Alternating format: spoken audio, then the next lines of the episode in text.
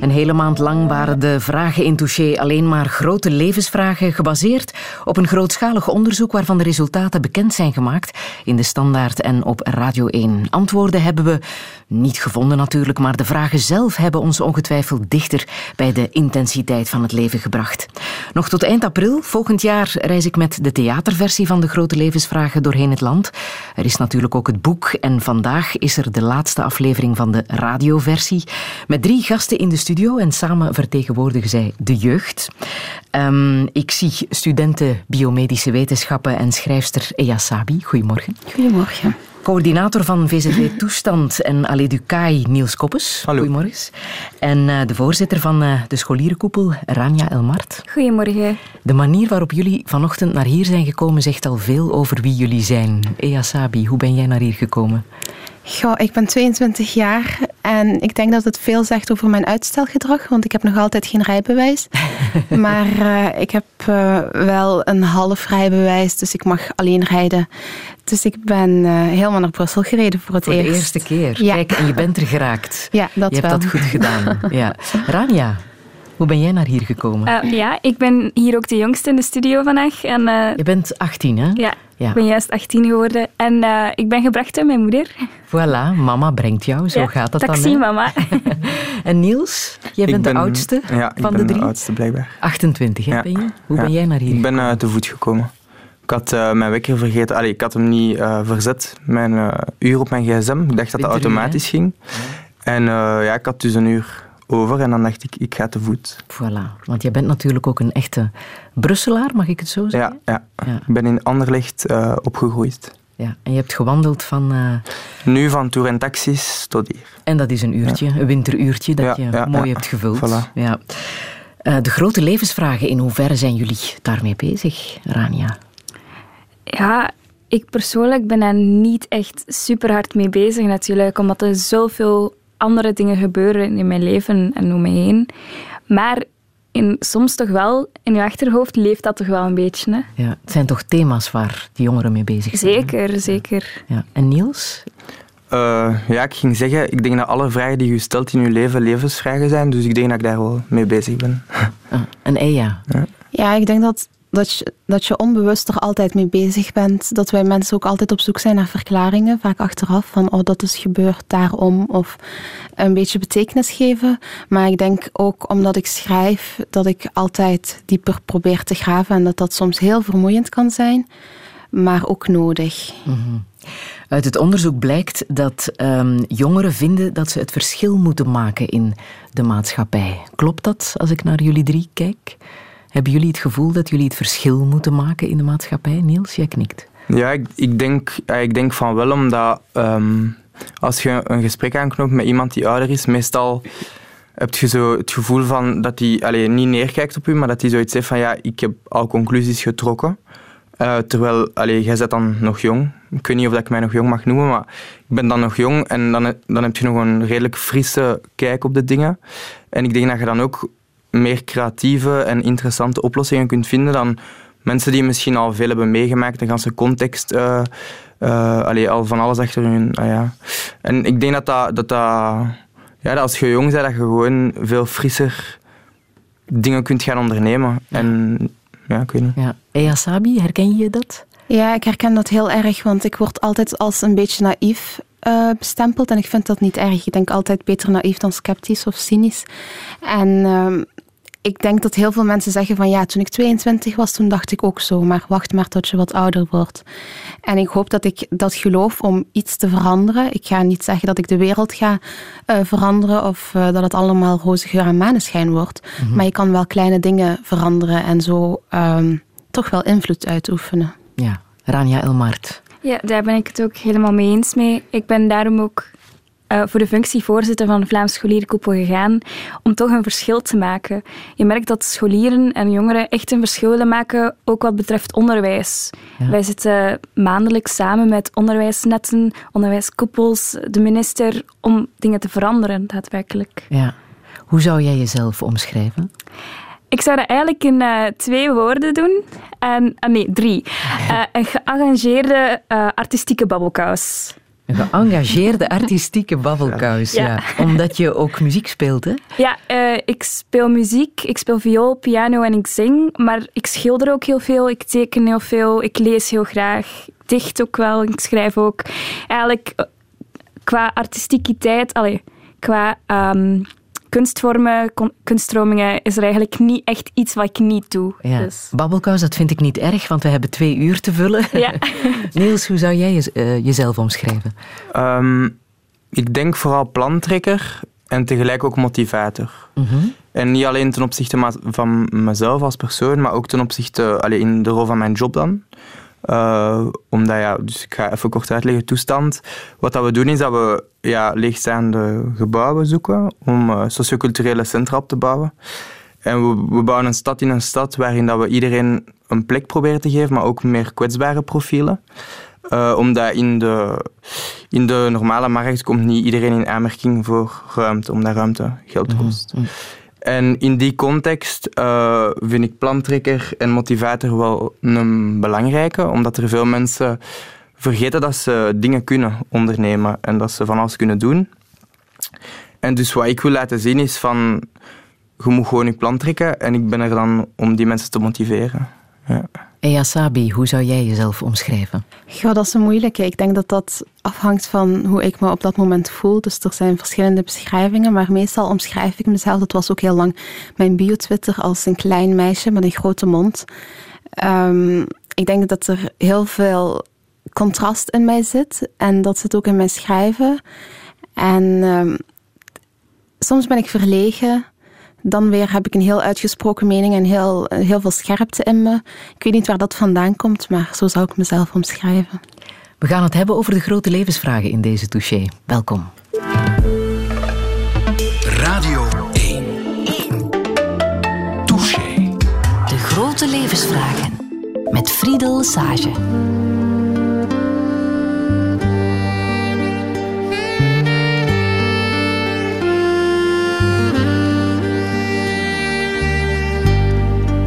Misschien te laat geboren. Of in een land met ander licht. Ik voel me altijd wat verloren. Wat toont de spiegel mijn gezicht? Ik ken de kroegen, kathedralen. Van Amsterdam tot aan Maastricht toch zal ik elke dag verdwalen, dat houdt de zaak in evenwicht.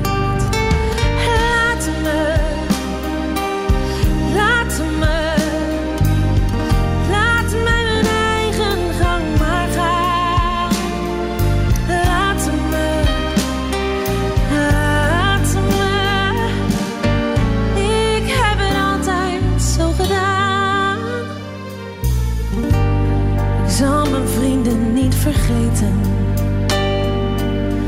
Want wie me lief is, blijft me lief. En waar ze wonen moest ik weten. Maar ik verloor een laatste brief. Ik zal ze heus wel weer ontmoeten. Misschien vandaag of volgend jaar. Ik zal ze kussen en begroeten. Het komt vanzelf in voor elkaar.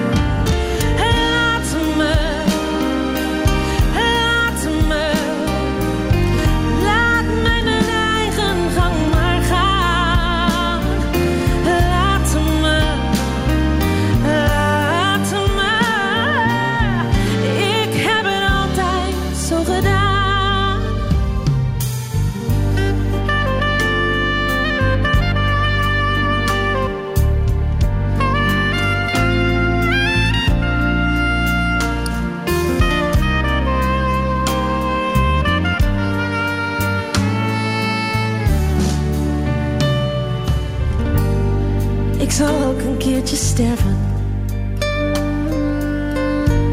Daar kom ook ik niet onderuit. En laat mijn liedjes dan maar zwerven. Verder zoek je het maar uit. Voorlopig blijf ik nog wel je zanger. Je zwarte schaap, je trouwe fan.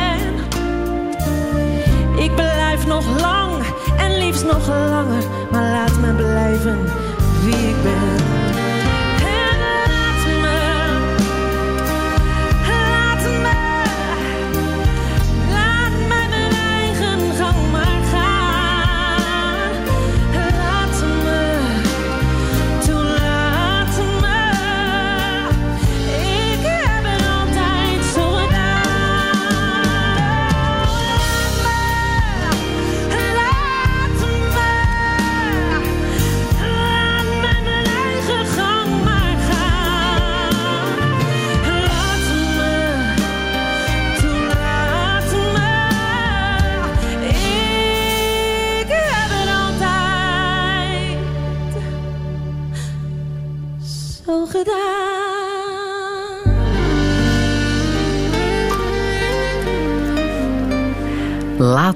In de versie van Do. En het is uh, het levenslied van uh. Waarom heb, uh, heb, jij dit nummer gekozen?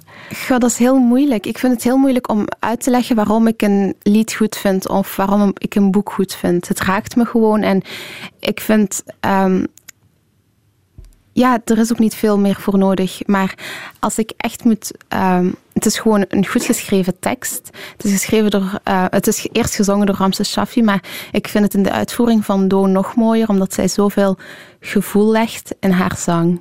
Ja. En inhoudelijk gaat het daar ook over? Uh, ja, laat me laat blijven. Laat me mijn gang maar gaan. Ja, laat me blijven wie ik ben. Ja. Uh, en ja, gewoon heel mooi. Het, ik heb het een paar maanden geleden voor het eerst gehoord en het heeft me echt geraakt. En dan vind ik ook niet dat ik echt daar een verklaring aan moet geven van waarom heeft het me geraakt. Het is gewoon mijn levenslied. Voilà, ja. De belangrijkste vraag uit de grote levensvragen is natuurlijk: wat is de zin van mijn leven? Hebben jullie daar al over nagedacht? Kunnen jullie daar een antwoord op geven? Wat de zin is van jouw leven, Rania? Ik heb eigenlijk een, uh, een boek gelezen van uh, Daniel Klein. En de titel is Steeds als ik de zin van het leven heb gevonden, komen ze met iets nieuws. En ik denk dat dat ook wel op toepassing is voor deze vraag voor mij. Want ik heb de zin van het leven nog niet gevonden. En ik weet ook niet of ik die ooit ga vinden. Tot nu toe is de zin van mijn leven de mensen om me heen, um, de mensen van wie ik hou, er voor ze zijn, ze steunen, maar mij ook blijven inzetten voor de maatschappij. Ja, want je bent net voorzitter geworden van de Vlaamse scholierenkoepel, omdat je dat echt wou. Hoe gaat dat, zo'n zo'n verkiezing? Ja, um, zo'n verkiezing bestaat eigenlijk uit een dag, allez, verkiezingsdag, waar meerdere mensen kandidaat zijn voor een bepaalde functie en een groep diverse jongeren die kiest dan uiteindelijk een voorzitter, maar ook andere functies binnen de organisatie. Um, ja, voor het komend jaar is de zin van mijn leven toch wel een goede voorzitter zijn. Ja. Wat wil je bereiken als voorzitter? Ik wil echt dat ik mijn job als voorzitter zo goed mogelijk doe door de stem van scholieren zo goed mogelijk te vertegenwoordigen. Mm -hmm. Dus dat houdt in dat ik echt zorg dat de stem van scholieren echt aan bod komen en ze echt gehoord worden. En dat is nu wel heel belangrijk. Hè? Het is wel een cruciaal jaar, denk ik. Hè? Ja, zeker. Vooral met de nieuwe hervormingen en de eindtermen die opspelen, is het echt belangrijk dat de stem van scholieren naar boven komt. Want het gaat dan, om ons. Moet je dan dossiers lezen of hoe bereid jij je voor op uh, vergaderingen? Ja, veel dossiers lezen, veel nota's lezen, um, alvast nadenken over bepaalde vragen die ik ga krijgen. Um, ook heel goed research doen met wat vinden scholieren nu goed overeenstemmen. Um, ja, vooral heel goed kijken ook. Ja, ja. Eja, wat is voor jou de zin van het leven? Ik denk dat uh, voor mij de zin van het leven is uh, op zoek gaan naar de zin van het leven. En ik zeg altijd, er zitten zoveel touwen in mijn hoofd en soms raken ze in de knoop. En waarschijnlijk ontwarren ze zich, maar daarna zijn er ook weer andere touwen in elkaar geknoopt. Dus ik denk dat het um, vooral met het schrijven, uh, je gaat op zoek en je vindt iets. Maar uh, ik vind dat je altijd jezelf en je wereldbeeld en hoe je denkt in vraag moet stellen en opnieuw moet gaan zoeken. En ik denk dat die zoektocht nooit gaat eindigen. Je hebt een eerste boek uit, hè? Verkruimeld Land. Je schrijft ook columns, onder andere voor Mo-magazine en ook af en toe voor uh, de website van de VRT. En je studeert uh, biomedische wetenschappen. Waarom ja. heb je daarvoor gekozen? Goh, ik vond het eigenlijk niet zo'n moeilijke keuze. Ik ben altijd op zoek naar de dingen die het leven ontwarren of betekenis proberen te geven. En ik denk dat biologie, zoals ook literatuur, verklaringen geeft aan de dingen die, om, die er om ons heen gebeuren. En ik vind dat belangrijk om mijn waarheid te vormen, want ik denk dat elke waarheid persoonlijk en gefragmenteerd is. En dat dat gebaseerd is op verschillende dingen uit ons leven. Dus Mhm. daarom. En wat wil je daar later mee doen? Met die studie? Ik vind het belangrijk om uit mijn literatuur te kunnen vluchten. Ik ehm, denk dat dat mijn grootste zwakte is. ehm, dat ik vlucht in eh, gekozen onwetendheid, onverschilligheid. Dat ik bepaalde dingen niet. ehm, eh, dat ik daar niet mee in aanraking wil komen. En mijn literatuur confronteert me juist met heel erg veel dingen. En ik heb dat nodig om te verwerken, om eh, betekenis te zoeken. Maar anderzijds wil ik ook een soort van parallel leven ernaast hebben. Dus ik, ik zou het heel fijn vinden om aan een onderzoek te mogen meewerken of in een laboratorium te eindigen. Om ehm, op andere manieren eh, om te gaan met het leven. Ja. Niels Koppes, kan jij zeggen wat de zin van jouw leven is? Mhm. Ehm, trouw, ik, vind dat, ik vind dat een moeilijke, maar ik zou zeggen om open te staan. Omdat ik denk dat er nood is in de samenleving om open te staan. En omdat ik denk dat iets zinvol doen, dat wil zeggen iets doen dat iets bijdraagt. En voor mij iets bijdragen, dat kan van alle hoeken zijn, alle mensen, alle meningen, alles, alle kleuren. Eh, en dat is openstaan. Ik denk dat er echt een nood is ook in de samenleving om open te staan. Eh, en, en, en om alles te zien al als zinvol. En ik denk dat dat een attitude is die ik probeer te hebben. Dat is niet altijd gemakkelijk, maar dat is, ja, dat is wel een attitude die ik probeer te hebben en die ik ook wil doorgeven. Ehm, Je hebt aan het KASK gestudeerd. hè? ja, ik heb aan het KAS gestudeerd, Academie voor Schone Kunsten in Gent. Ja. En welke richting? Eh, nu noemt dat autonome vormgeving, als ik me niet vergis. In der tijd was dat multimediale vormgeving. En met welke bedoeling? Goh, wel, toen ik afstudeerde, allee, in de humaniora dan, eh, ik had mijn twee laatste jaar van de humaniora had ik een kunstrichting gedaan in Sint-Lucas, Brussel, beeldende vorming. En na die studie wist ik eigenlijk totaal niet wat ik wou gaan doen. Maar ik moest wel iets doen en ik dacht van ja, aangezien ik nog tijd wil hebben om te kunnen kiezen, ga ik gewoon een richting kiezen die mij de vrijheid laat om niet te kiezen. En toen kwam ik op een open deurdag op het kask en gans het kask is wit. Al de muren zijn wit geschilderd. En dan was er zo een, een gangetje, we noemen die tram zwart, dat was de bijnaam. Een gangetje waar dat plafond niet gigantisch hoog was, dat was gewoon allee, normaal zo, terwijl de rest van de school echt gigantisch was. En alles was zwart en het waren allemaal kleine ruimtes. En ook gans school was in goede staat en dat was echt in een zeer slechte staat. En ik weet, ik ben daar binnengekomen en er was echt zo'n magie voor mij.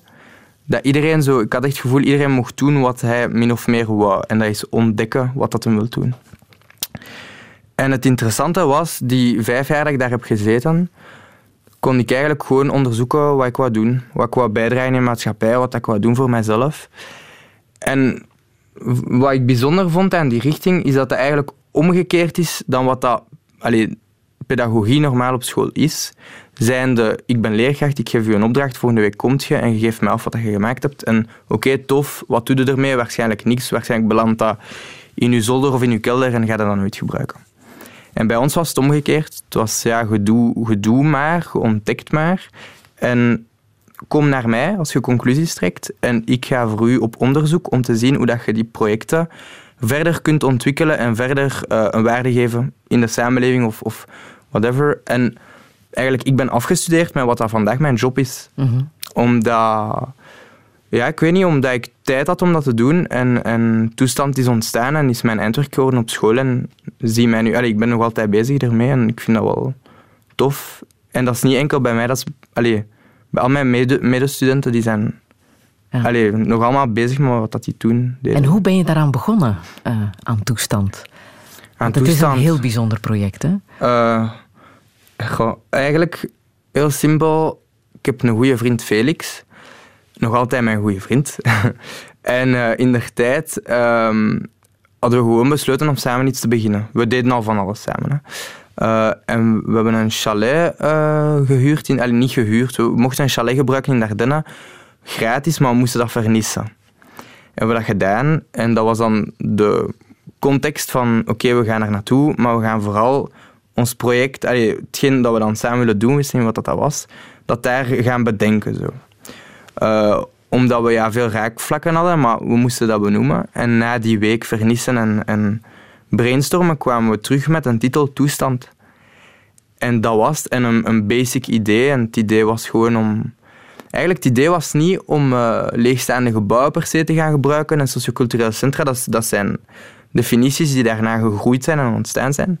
Maar het eerste idee was om een plek te genereren waar dan mensen met elkaar in dialoog gaan. Omdat er nood is, uh, lijkt mij, in een samenleving om mensen samen te zetten die een uiteenlopende mening hebben. Anders heb je nogal een zwak gesprek, lijkt mij. En dat was het basic idee om, om, ja, om een plek ja, te doen ontstaan waar dat even goed een dakloze als uh, de rijkste man uit Brussel, als uh, whatever. Zo. Zie je? Echt een mix maken uh, ja, waar, dat, waar dat een gesprek vol wordt. Ja. En ook zeer kunstzinnig uiteindelijk. Allee. En hoe moeilijk was het om die plek te vinden? Want jullie zoeken naar leegstaande ja. panden hè, in, in Brussel. Um, het was niet per se moeilijk om een plek te vinden in C. Het was moeilijker om ons uh, redelijk zot, allee, ambitieus verhaal, om dat uh, waarde te geven. Omdat als je begint, zijn er twee pummels, je zijn twee studenten. En niemand uh, neemt je serieus. En dan zijn we hebben eigenlijk gewoon een strategie uitgeschreven. We zijn gaan babbelen met iemand die een communicatie-expert is.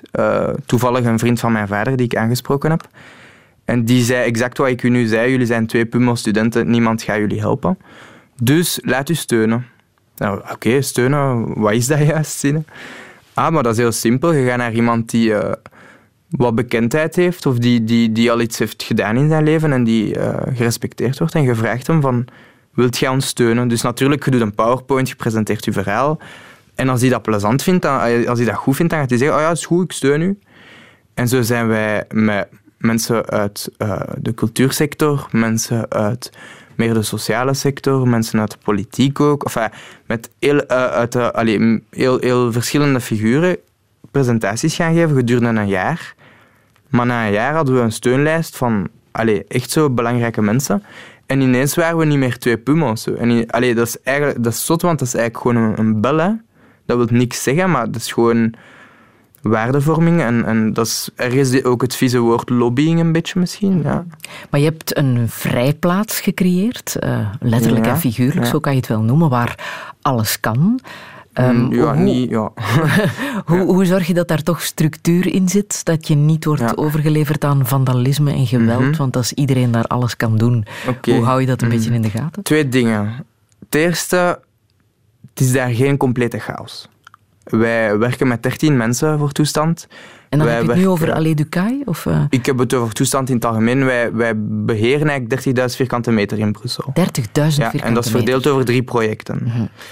En uh, daarvoor werken we dus met 13, 13 mensen die in dienst zijn, maar ook met een hele hoop vrijwilligers die zich echt inzetten in dat verhaal en die fantastisch werk doen. Dat is één ding. Dus vrijplaats, oké, uh, met andere principes, maar zeer goed gestructureerd en georganiseerd. Langs de andere kant, vandalisme, diefstal, agressie, ja, uiteraard, uh, dat gebeurt. En ik denk, als je uh, je niet zou inzetten of inspelen op de noden van de maatschappij, dan gebeurt dat niet. Dus het zou naïef zijn om te denken, als je daarmee aan de slag gaat, dat er niets gebeurt. Uiteraard gebeurt dat. En Gebeurt dat minder als vroeger? Ja. Want bon, we hebben ons leren organiseren en we weten hoe daarop in te spelen als er een geval is van agressie enzovoort. Maar het is naïef om te denken dat je allee, alle jonge gasten van straat gaat plukken en dat daar nooit een keer een jonge gast een joint gaat rollen binnen of zo. Allee, dat is naïef om dat te denken.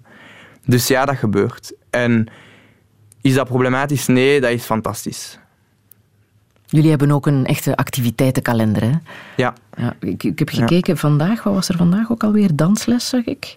Dat zou kunnen, daar weet ik niet van buiten. Luchtacrobatiek. Staat er ook ergens op? Ja. ja, dat is vandaag trouwens, luchtacrobatiek. Ja, Vond ik al heel spannend. Drie uur lang. Ja, dat zijn individuele lessen. Uh, allee, die, specifiek, die specifieke activiteit. Maar wij werken vooral eigenlijk... Wat we doen is, we gaan vooral op zoek naar partners um, ja, die met allee, verschillende publieken aan de slag gaan. En we proberen eigenlijk een puzzel te maken, te cureren, zeggen sommigen. Hè. En om uh, echt een stad in de stad te zijn. En het is zo'n fascinerend project dat jullie dit jaar ook een ultima hebben gekregen uit handen van uh, minister Sven Gats. Ja. Betekent wel wat, hè? Uh, ja, ja oké. Okay, ja. dat is toch een mooie bevestiging ja. van wat jullie aan het doen zijn. ja, dat is wel tof. Um, als ik naar, naar jullie drie kijk, zijn jullie blij met wat jullie nu zijn geworden? Ik heb wel die indruk, hè? Ja, zeker. Ja? ja. Niels, ben jij blij dat jij nu aan het doen bent mm, wat je aan het doen bent? Ik ben tevreden. Ik ben, ja, ik ben blij met wat ik doe. Ja, ja. zeker. Ja, ook hè? Ja, ja ik, ben, ik vind het vooral een beetje onwerkelijk. Want het was mijn droom als klein meisje. En dan gisteren sta je opeens aan, bij een receptie en dan zegt... Uh, de dichter Charles Ducal van ja, ik heb je boek nog niet gelezen, maar dat ga ik nog wel doen. Alsof ik van hem zou verwachten dat hij mijn boek leest. en dan denk ik van wat een eer. En dan, dus ik heb een beetje mijn droom bereikt.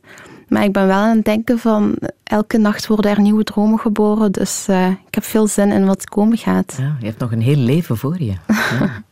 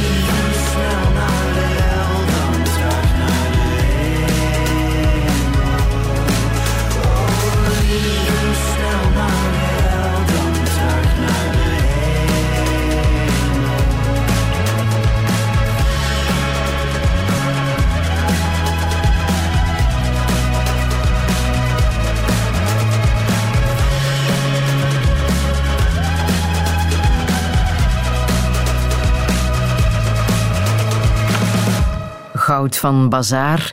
Ea Sabi, Niels Koppes, uh, Rania Elmart. Wie is de grootste fan van uh, Bazaar, als ik naar jullie drie kijk? Ik denk Rania. Jij hebt ze gezien, hè? Ja, ik heb ze op Lauw Day gezien, ja. Ja, en? Magisch moment. Dat Ja? was ook de slotact. Echt. Dit nummer. Ja, ja. geweldig. Wat iedereen meezong waarschijnlijk uit volle borst. Ja, ja, ja, zeker. Ja. Wat is het? Liever snel naar de hel of traag naar de hemel, volgens jou? Oeh, moeilijke. Want ik, ik zie mezelf niet echt als een heilig boontje. Maar eh, toch zou ik liever naar de hemel willen. Want ehm, ik wil het even hebben met jullie over het geloof. Waarin geloven jullie? Eh, Niels? Niels Koppes? Ehm, ja, we hadden die vraag dus op voorhand gekregen en ik heb eh, denk ik wel een tof zinnetje eh, geschreven erover, dus ik zal het even voorlezen. Ja. Dus de vraag was, waarin geloof je? En ik heb als antwoord gegeven in the stream of consciousness, het, het dagelijkse manifest dat mijn dagboek zou kunnen zijn, in de schets van het leven en de spontaniteit van de mens. Dat is zeer goed neergeschreven. Ja, Ja, ja. En dat is het ook. ja, ik, ik, vond, ik vond het interessant om ehm, geloof te zien als iets dat magisch is, iets dat je individueel bepaalt.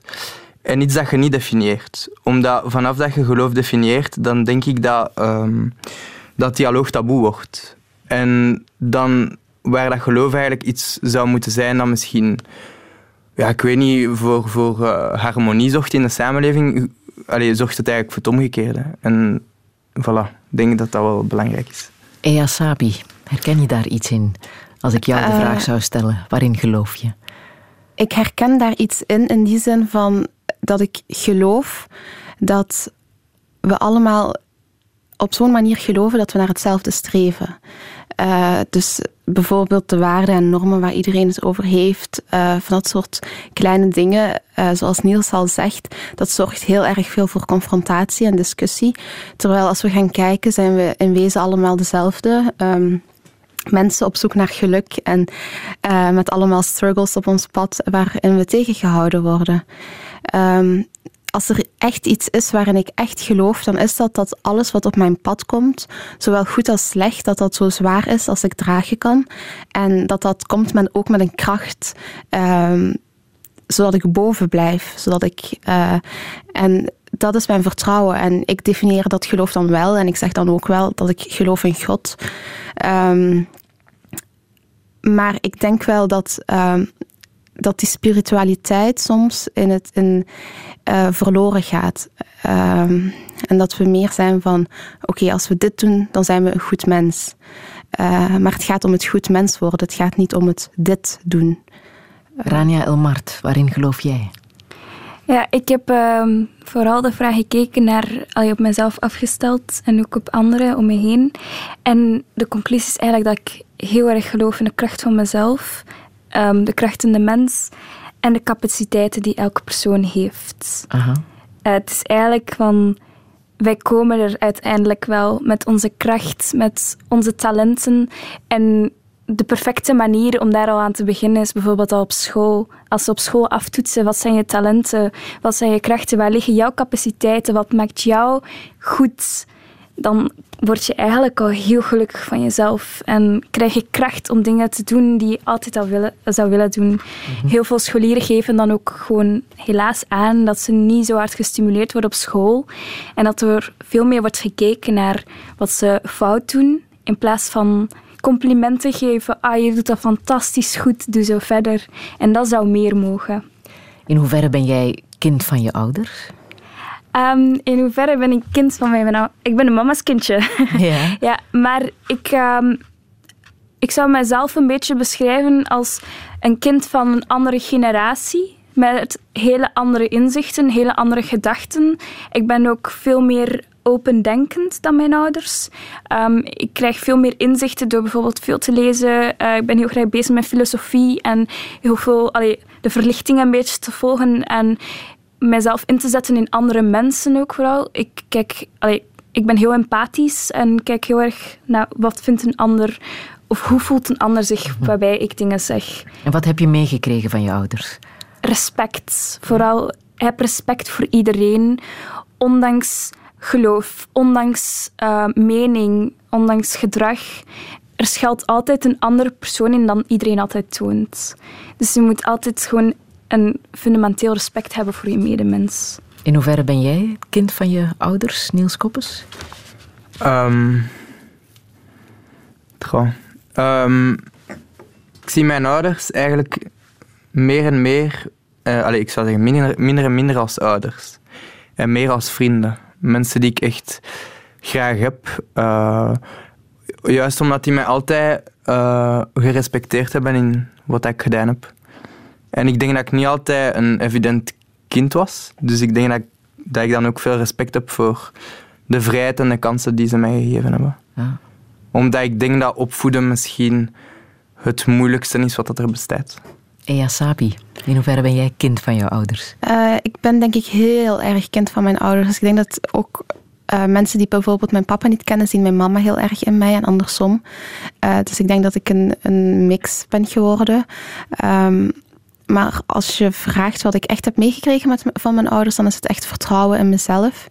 En mijn, mijn vader zei vroeger ook altijd van, oh Eja, die gaat zo groot worden. En dat hoeft ook niet per se zo te zijn, maar het is gewoon omdat hij zo gelooft in je, ehm, dat je ook gelooft in jezelf. Hm. Je zei zo net, ik geloof in een God. Ja. Wat voor God is dat? Uh, een God die, waarin ik vertrouwen heb. Um, ik geloof bijvoorbeeld in het lot, maar ik geloof ook dat ik uh, eigen keuzes kan maken en invloed kan uitoefenen op dat lot.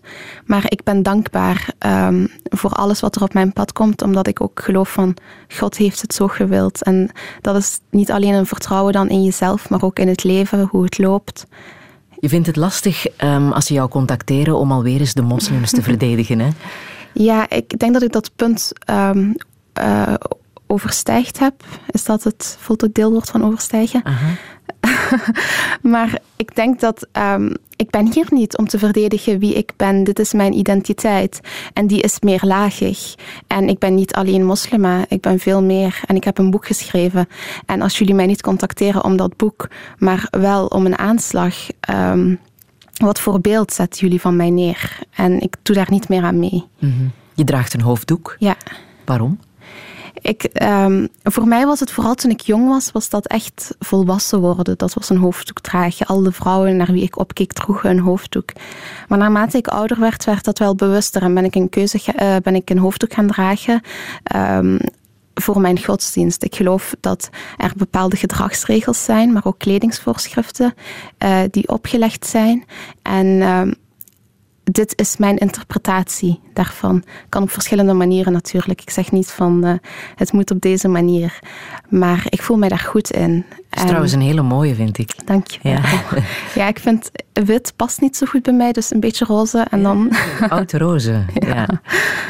Niels, is dat iets dat, dat uh, uh, op de plek waar jij werkt, toestand, ter sprake komt? Um, het geloof, het verdedigen van de islam, het hoofddoekendebat? Zijn nee, dat niet onderwerpen echt. van gesprek? Ik, nee, niet, dat is niet echt onderwerp van gesprek, nee.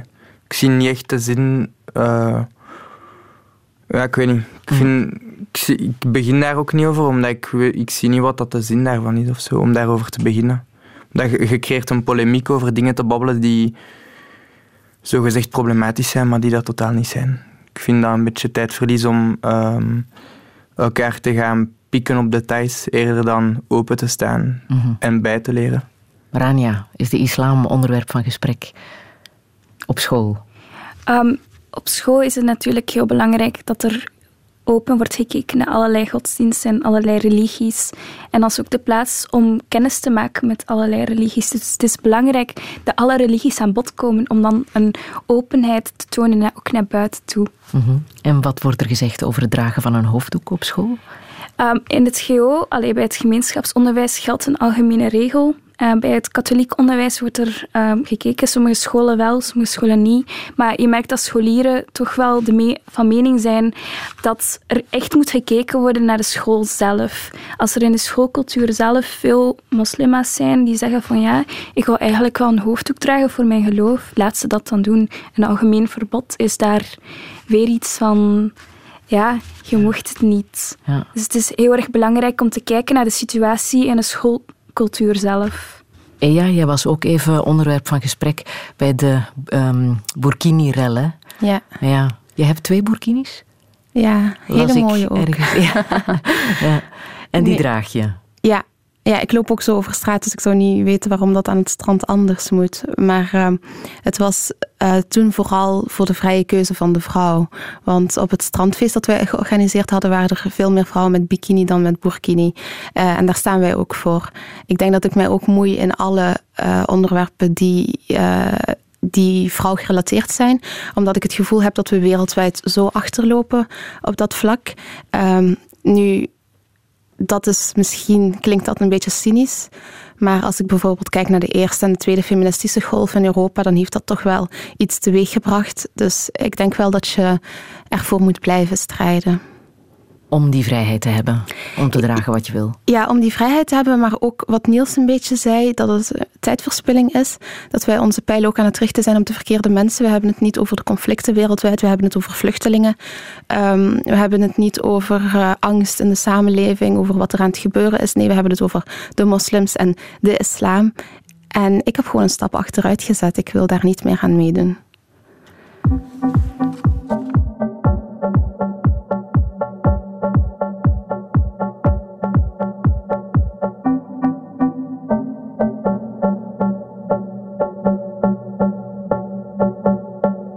Als je bitch wil chillen is het geen probleem, dan ga ik erheen. Ik kom niet alleen, want ik heb drank en drugs. Ik heb drank en drugs. Als je bitch wil chillen is het geen probleem, dan ga ik erheen. Ik Als je bitch wil chillen en ze belt mijn nummer, dan ga ik wel komen, want ik ben flexibel. Nu ben ik in de club, nu sta ik voor de spiegel. Ik kan niet voor je liegen, we willen wat verdienen. Nou, ik verhoog het tempo, bezweten hoofd, de grote ogen. Ik ga lekker. Ik heb mijn schoenen vies verslapen, niets knuffel, iets echt fokje wekker. Ik ben met Ronnie Flex, we roken weg, stellen stacks of sturen facturen. Ma is echt, ze houdt van gek, houdt van seks. Nu wil ik er huren. Als je bitch wil chillen, is het geen probleem, dan ga ik erheen. Ik kom niet alleen, want ik heb drank en drugs. Ik heb drank en drugs. Als je bitch wil chillen, is het geen probleem, dan ga ik erheen. Ik kom niet alleen, want ik heb drank en drugs. Ik heb drank en drugs. Alle tieners zeggen ja tegen MDMA. Je meisje is een mot, staat seks met je pa. Geen blad voor mijn mond, maar recht voor mijn rap. Ze zullen er niet zijn als het slecht met me gaat. Hey bitch, schuif op. Wij komen binnen met z'n allen. Je moet zakken tot de grond alsof je moeder is gevallen. Ik ken bitches zoals jij en ik vang ze elke keer. Morgen weet je ze maar niks meer. Dat maakt niet uit, want ik vind het wel goed zo. Ik bel klein en ik zeg kom langs bro. Misschien dat mijn liefde vroeg afloopt. Je ruikt beat en seks als ik langs Als je bitch wil chillen is het geen probleem, dan ga ik erheen. Ik kom niet alleen, want ik heb drank en drugs. Ik heb drank en drugs. Als je bitch wil chillen is het geen probleem, dan ga ik erheen. Ik kom niet alleen, want ik heb drank en drugs. Ik heb drank en drugs. Als je bitch wil chillen, als je bitch wil chillen, als je bitch wil chillen, als je bitch wil chillen, als je bitch wil chillen, wil chillen, wil chillen, wil chillen. Als je bitch wil chillen.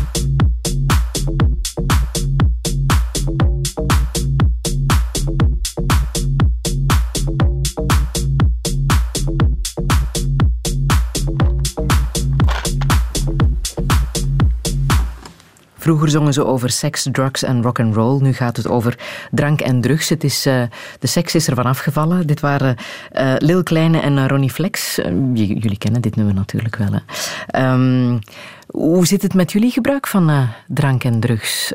Eya Sabi? nee, ik heb, ik heb nog nooit drank of drugs gebruikt en ik ben daar wel blij om. Maar gisteren had ik zo heel erg nood aan fastfood. En toen dacht ik van oké, uh, dit is ergens ook wel een beetje een verslaving. En ik vind dat principieel fout van mezelf. Dat ik dan zeg van ja, ik drink geen alcohol en ik doe niet aan drugs. Maar ik vind dat ik dat dan moet doorzetten in mijn hele leven. En dat ik dan elke vorm van verslaving een beetje moet uitbannen. En uh, ik vind eten en hoe we omgaan met eten en duurzaamheid en van dat soort dingen en groene energie bijvoorbeeld, ik was daar nooit mee bezig, maar ik vind wel dat ik daar uh, bewuster van moet zijn nu. Rania Elmart, drank en drugs, is dat in jouw leven aanwezig? Nee, nee. Uh, vanuit principe vooral. Um, ik wil mijn eigen lichaam niet schaden, of mensen om me heen ook niet, want je ziet zoveel situaties waar het helemaal mis kan gaan. En ook vooral de mensen om je heen die je dan zo hard effecteert door bijvoorbeeld een drugsverslaving te hebben of een drankverslaving. Je ziet vaak ook op bijvoorbeeld televisieinterventies waarvan familieleden smeken om, om te stoppen met hun verslaving of naar rehab te gaan als het ware. Um, ik zie mijn lichaam als het ware een beetje een tempel, dus waarom zou ik dat schaden? Ik moet daar zelf zorg voor dragen. Niels Koppes, jij bent een beetje ouder, hè? Je hebt wat meer levenservaring. Uh, ja. Um, Ook als het daarover gaat. Drank en drugs. Uh, ik kan wel pintjes drinken, uh, maar drugs, met uitzondering dat ik vroeger veel cannabis heb gebruikt, blijf ik van alle drugs af. Ja. nooit gedaan. Maar ik heb wel een, een, periode gehad waar ik problematische wietgebruiker was. En dat is nu volledig gedaan. Ja. En dat is denk ik een van de meest consequente en beste keuzes die ik heb, onder een, die ik heb genomen in mijn leven, om- omdat die wel... Die keuze heeft veel impact gehad. En hoe is het zover kunnen komen? Goh, ik- ja, ehm, ja, ik weet dat niet. Je bent jong en, en je probeert gewoon dingen. En voordat je het weet, zij je verslaafd aan een product. Ik denk dat het zo simpel is. Ik denk dat dat, dat ook niet gaat over dat product in want ik denk dat er mensen zijn die eh, perfect no- normaal wiet kunnen consumeren. Ik denk dat dat vooral gaat over mensen hun persoonlijkheid en dat dan gelinkt aan het product. Ehm, mijn, eh, mijn mama die kan één sigaret roken in de zomer of zo, als er vrienden op bezoek zijn, en dan stopt dat. Ik kan dat niet. Eh, en ik denk, ik denk dat dat ja, veel over mij zegt of zo. Ja. En hoe ben je erin geslaagd om te stoppen? Lijkt me niet zo makkelijk. Ehm, op een gegeven moment moest ik een examen opnieuw afleggen. Niet de eerste keer, maar ik denk de derde keer dat ik dat examen moest afleggen. En dat was echt zo'n buisvak. Iedereen buizen constant op dat vak. Dat was eh, kunstgeschiedenis in de middeleeuwen, als ik me niet vergis. Ehm, en ik ben toen bij mijn oma gegaan om te gaan studeren. Omdat daar geen internet is, maar ook omdat ik eh, geen jointen kan roken. En eh, dat is niet gelukt omdat ik dan uiteindelijk ben vertrokken een dag vroeger naar Gent. En dat ik daar toen die avond eh, nog een joint heb gerookt met een vriendin. En toen ben ik... Ik had echt keihard gestudeerd, maar toen ben ik gewoon mega onzeker geworden. En heb ik dat ook examen opnieuw compleet geflopt. En toen heb ik mijn pa gebeld. En die is naar Gent afgekomen, die heeft zijn werk laten liggen. En die heeft mij... Allee, ik heb hem gezegd van, kijk, eh, ik zou graag een radicale keuze nemen die mij ten goede komt, maar ik kan dat niet alleen, denk ik. En ik heb hem eigenlijk voor een verdomme feit gesteld, zijnde of ik stop of jij steekt me ergens vast waar dat mensen mij professioneel kunnen helpen. En ik ben gewoon gestopt. Dat was mega bizar. Maar ik heb van die moment nooit meer nood gehad om, eh, ja, een joint te roken. En, en ik ben daar eigenlijk volledig van af. En mensen in mijn omgeving gebruiken wel zo. En ik heb daar helemaal geen moeite mee. Zo. Dus Het heeft ook wel- invloed op eh, jouw gezondheid natuurlijk, hè? Eh, ja, ja. Allicht. Ja. Weet je daar... Weet je wat het kan veroorzaken? Het roken van wiet, eh, ja, ik denk longkanker en psychoses, Mhm. zoiets. Ja. Kan je wel gevoelig voor eh, worden. Ja, maar bij mij, allee, als ik eerlijk moet zijn, ik heb daar niet zo dat idee van ehm, mijn lichaam is mijn, eh, hoe zeg je dat, mijn tempel. Dat idee heb ik niet. Ehm, omdat ik nog altijd sigaretten rook en veel te veel koffie drink. Eh, maar wat ik wel heb, is dat ik denk dat uw, uw psyche, uw geest... toch, ik weet niet, het is voor mij vooral belangrijk dat ik vrij ben om te doen wat ik wil. En of dat ik vroeg of oud sterf, misschien zou ik daar beter eens over nadenken. Eh, en ik kijk wel regelmatig eens in de spiegel en dan denk ik, misschien moet ik wel nog eens eh, goede keuzes maken of zo. Maar voor mij gaat het vooral over mijn, mijn mentaal. Ik merkte vroeger als ik ja, wiet had liggen op mijn bureau en ik had een belangrijke afspraak, dan gebeurde dat wel eens dat ik zei, ja, ik laat die afspraak vallen en eh, alles wat dat stressvol, sorry, stressvol was, kon ik opzij schuiven en negeren, maar uiteindelijk werd ik gewoon meer gestrest of zo. En voor mij, wat dat achteraf is gekomen, en ik heb dat pas gemerkt na een jaar niet meer te gebruiken of zo, is dat wat moeilijk is, kan ook. En er is van alles dat ik vroeger niet durfde, dat ik vandaag echt gewoon...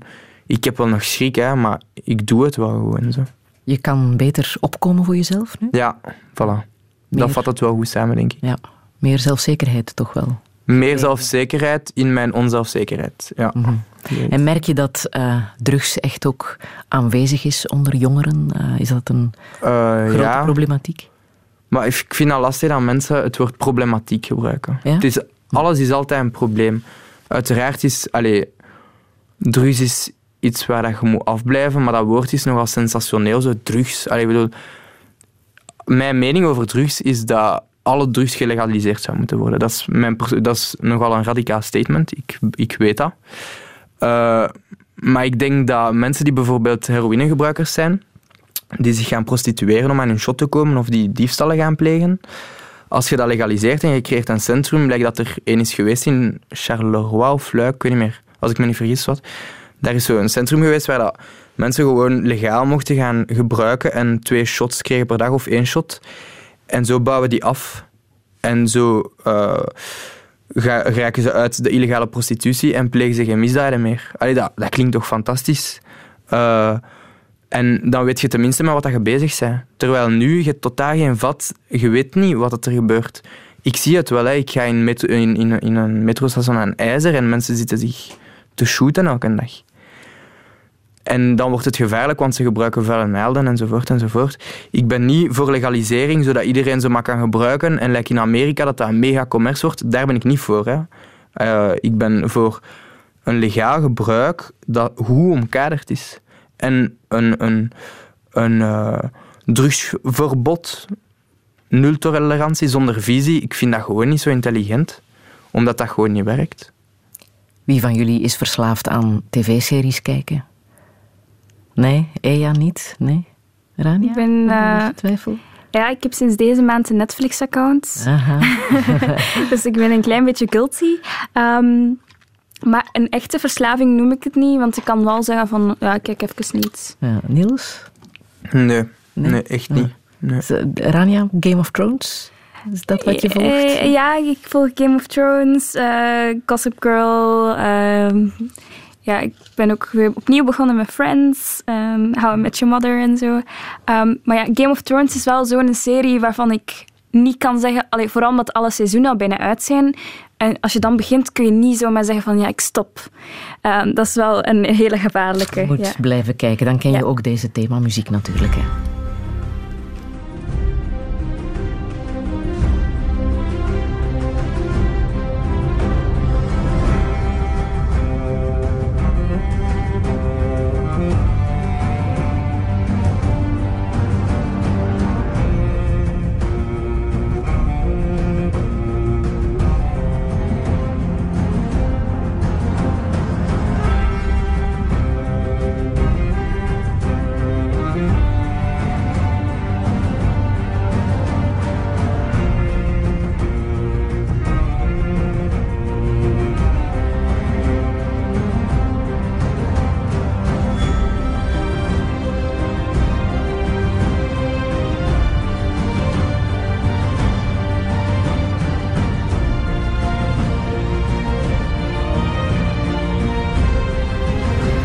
Muziek uit uh, Game of Thrones van uh, Ramin Djawadi. Volgend jaar op tournee met uh, zijn muziek.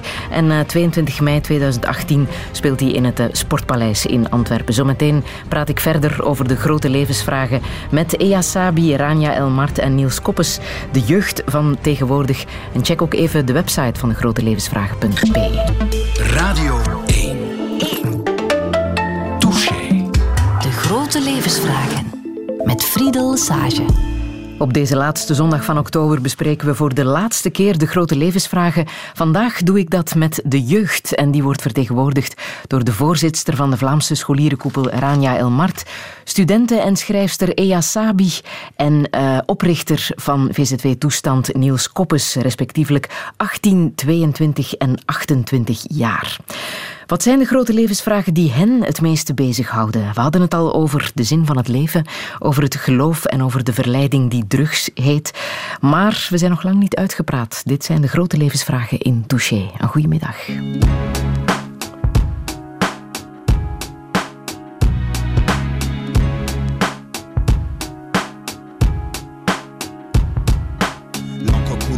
Répand, la feuille buvard absorbe l'émotion, sac d'images dans ma mémoire. Je parle de ce que mes proches vivent, de ce que je vois, des mecs coulés par le désespoir, qui partent à la dérive, des mecs qui pour 20 000 de shit se déchirent. Je parle du quotidien, écoute bien, mes phrases font pas rire, rire, sourire. Certains l'ont perdu, je pense à Momo qui m'a dit à plus. Jamais je ne l'ai revu. Tenter le diable pour sortir de la galère. T'as gagné frère, mais c'est toujours la misère. Pour ceux qui poussent derrière, poussent, pousser au milieu d'un champ de béton, grandir dans un parking et voir les grands faire rentrer les ronds. La pauvreté, ça fait gamberger. En deux temps, trois mouvements, on coupe, on compresse, on découpe, on emballe, on vend, tour de bras. On fait rentrer l'argent, on craque, ouais, c'est ça la vie. Et parle pas de RMI ici, ici, ici. Le rêve des jeunes, c'est la Golf GTI. Sur Takini, tomber les femmes à l'aise comme Manny sur Scarface. Je suis comme tout le monde, je délire bien. Dieu merci, j'ai grandi. Je suis plus malin, lui il crève à la fin, la fin, la fin, la fin. Justifie les moyens. 4, 5 ou malsain. On tient jusqu'à demain, après on verra bien. On marche dans l'ombre du malin. Du soir au matin, tapé dans un coin.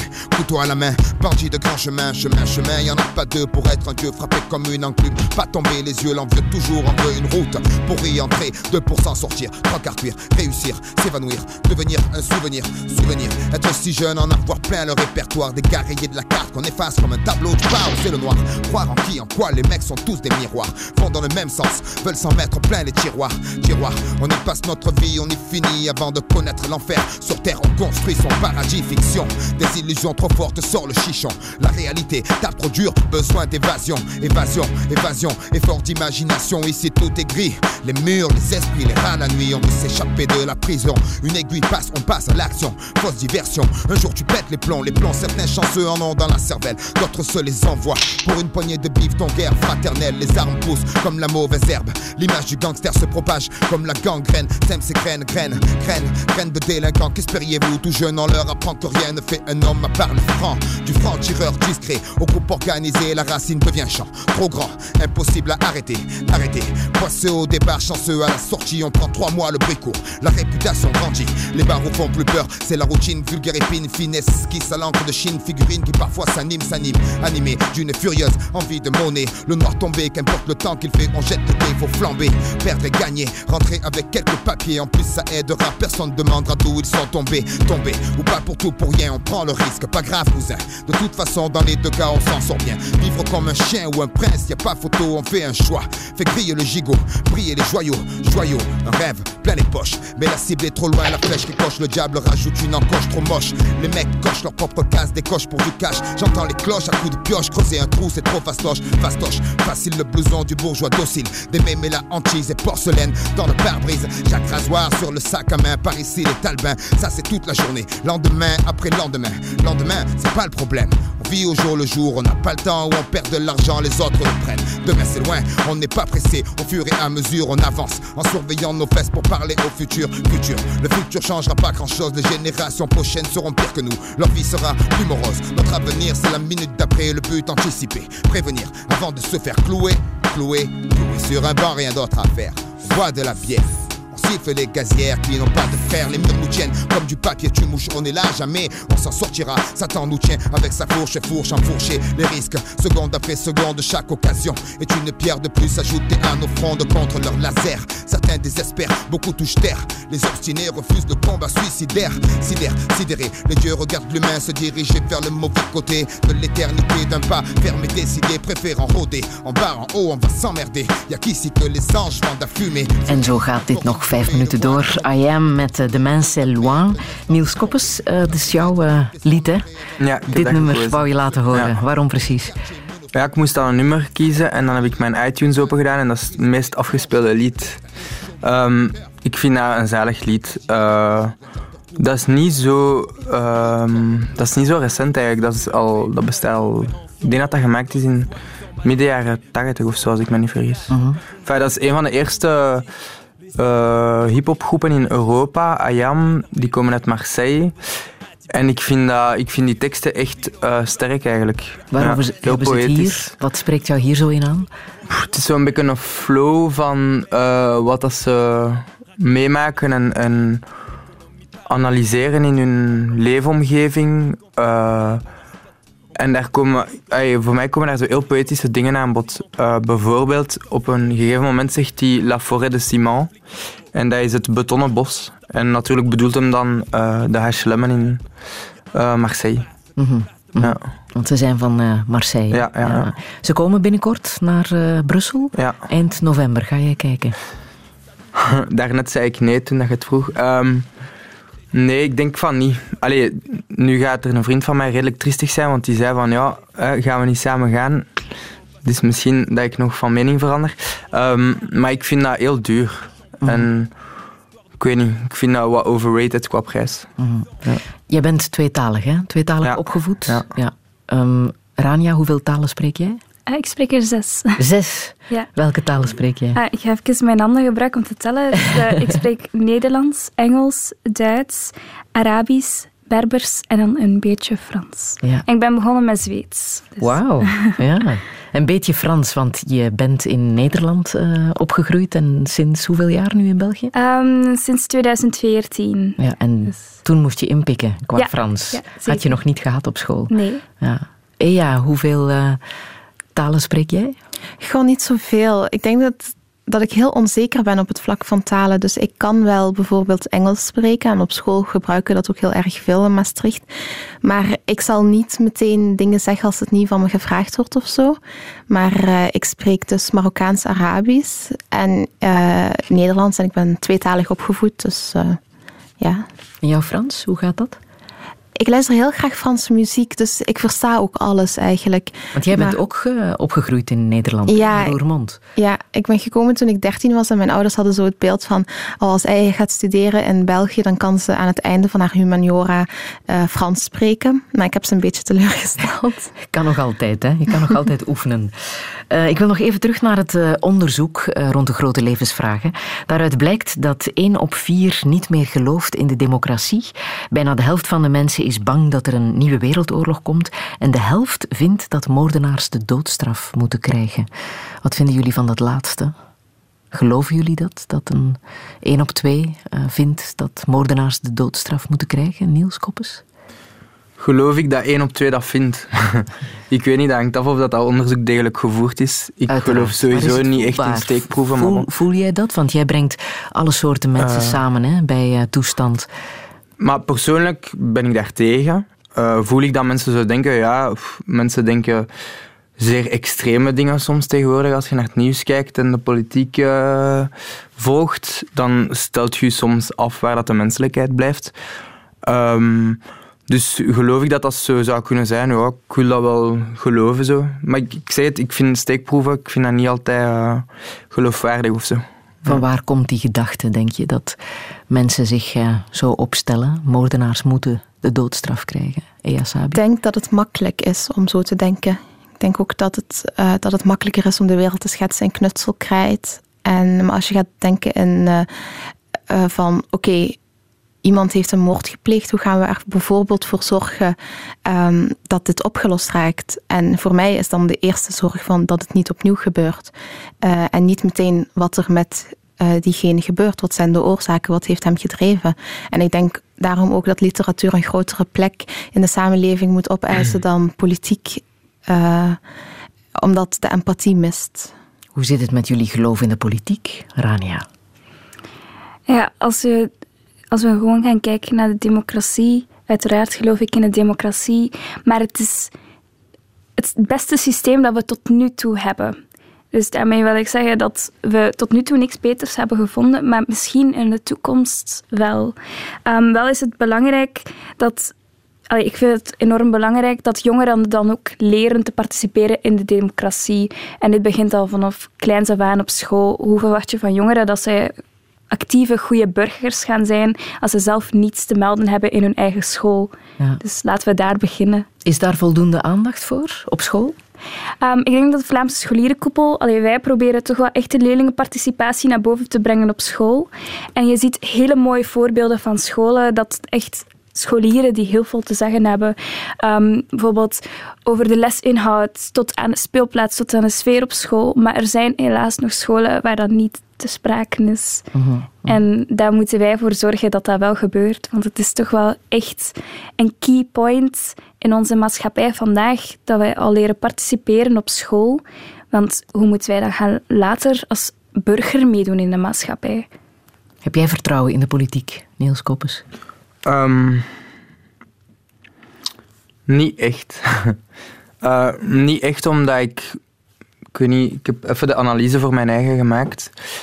En als ik kijk naar de politiek, dan zie ik vooral ehm, dat het belangrijk is om resultaat te behalen.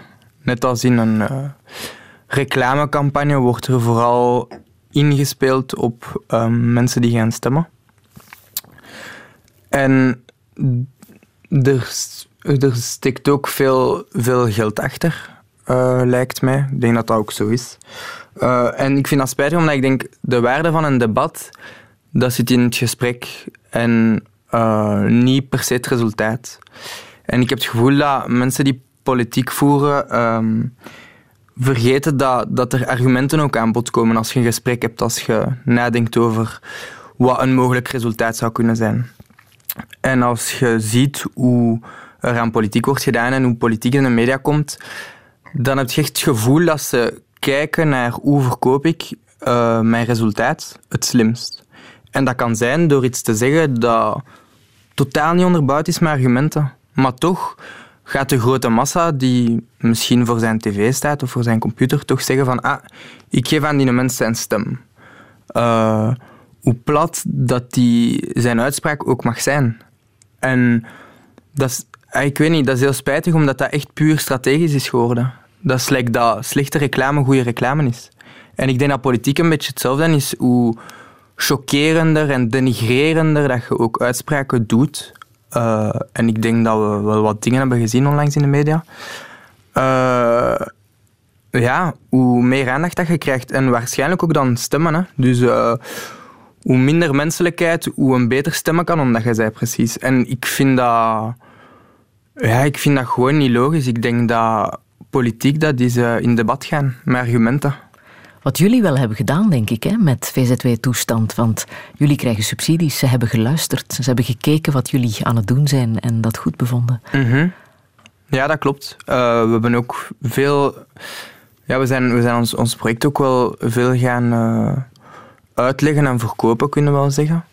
Uh, we hebben veel gelobbyd en dat heeft ervoor gezorgd dat we enige geloofwaardigheid hebben gekregen. En ik schrijf niet gans de politiek af, ook niet.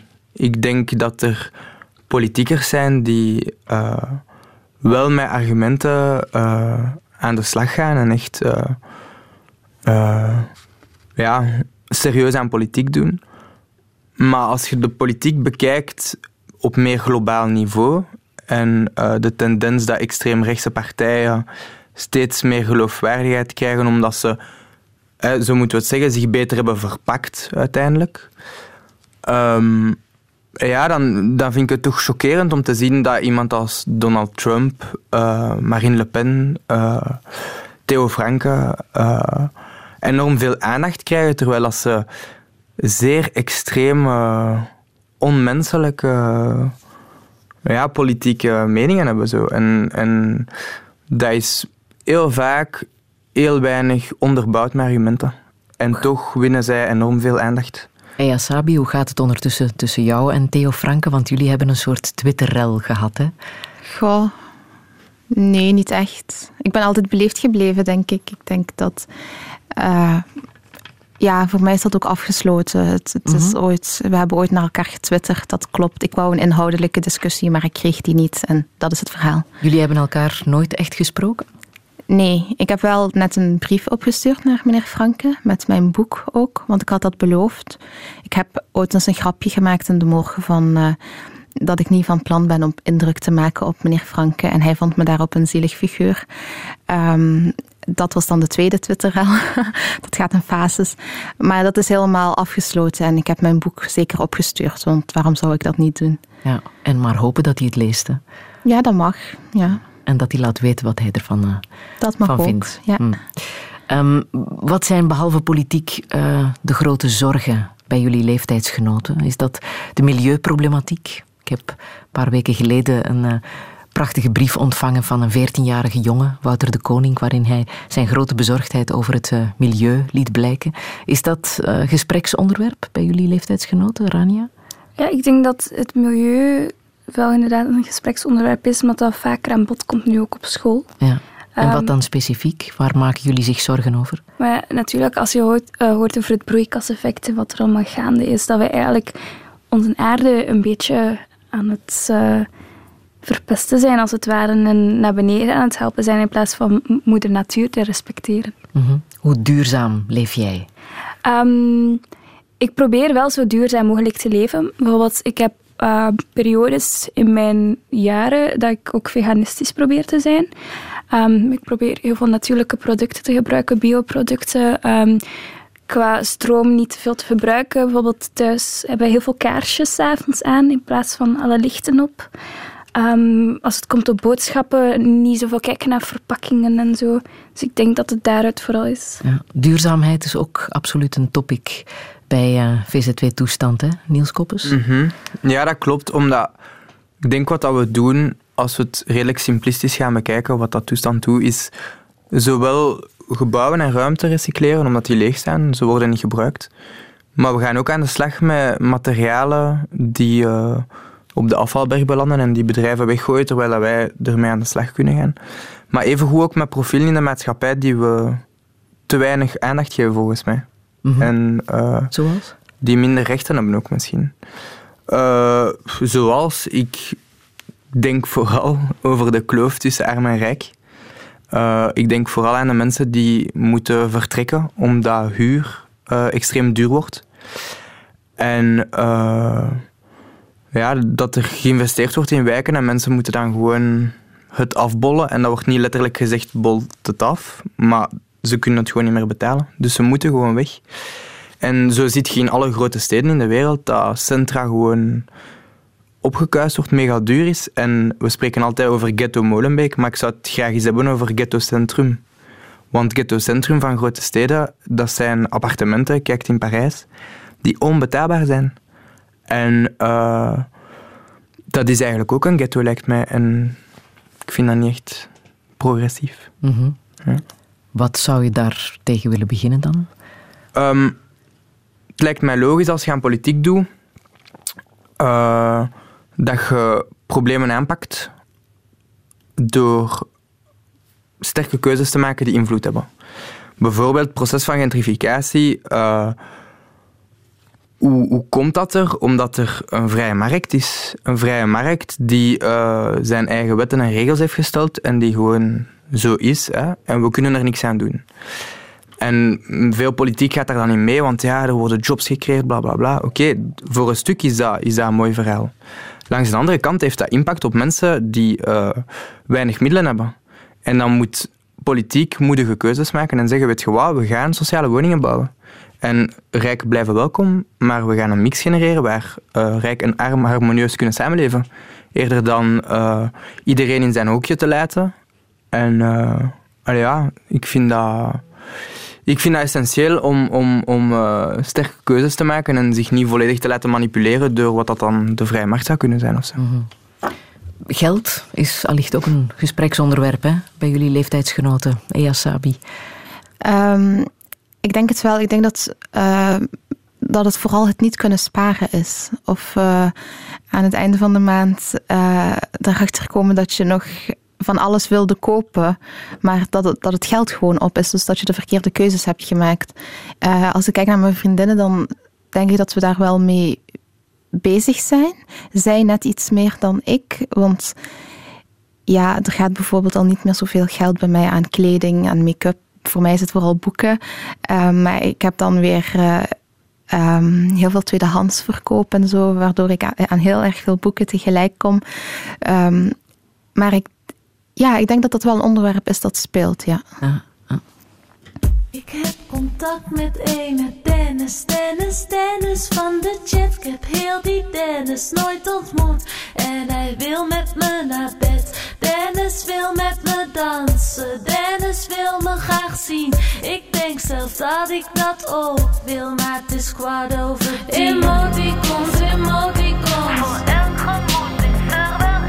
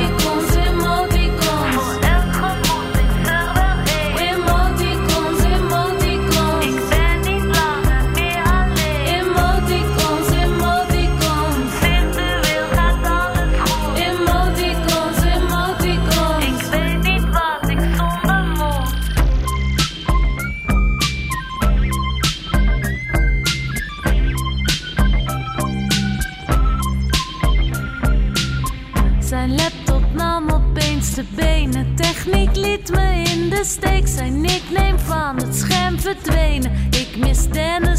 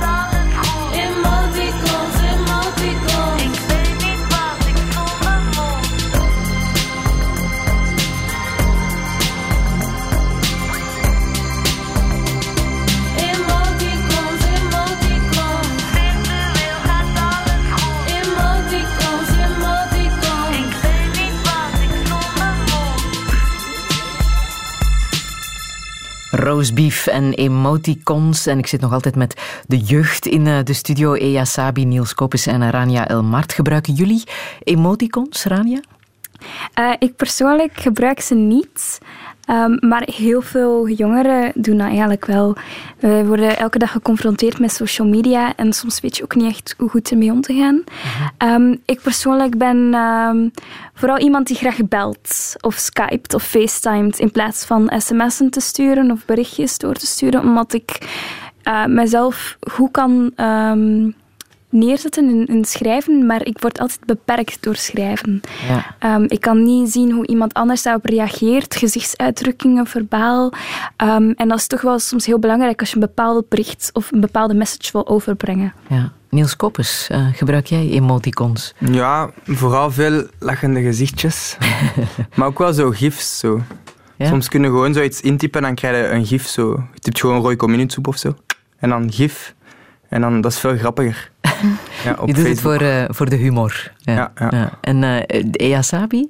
Ja, maar gebruikt liever de taal waarschijnlijk. Ja, want ik ben echt een chatter en ik hou heel veel van gesprekken via sociale media. Maar eh, ik, hou ervan, ik hou van de kunst van het gesprek en wat mensen tegen elkaar zeggen en wat ze eigenlijk bedoelen. Eh, en ik denk dat dat ook te maken heeft met mijn eh, verhuis van Nederland naar België. Je komt ook in een heel andere taalcultuur terecht.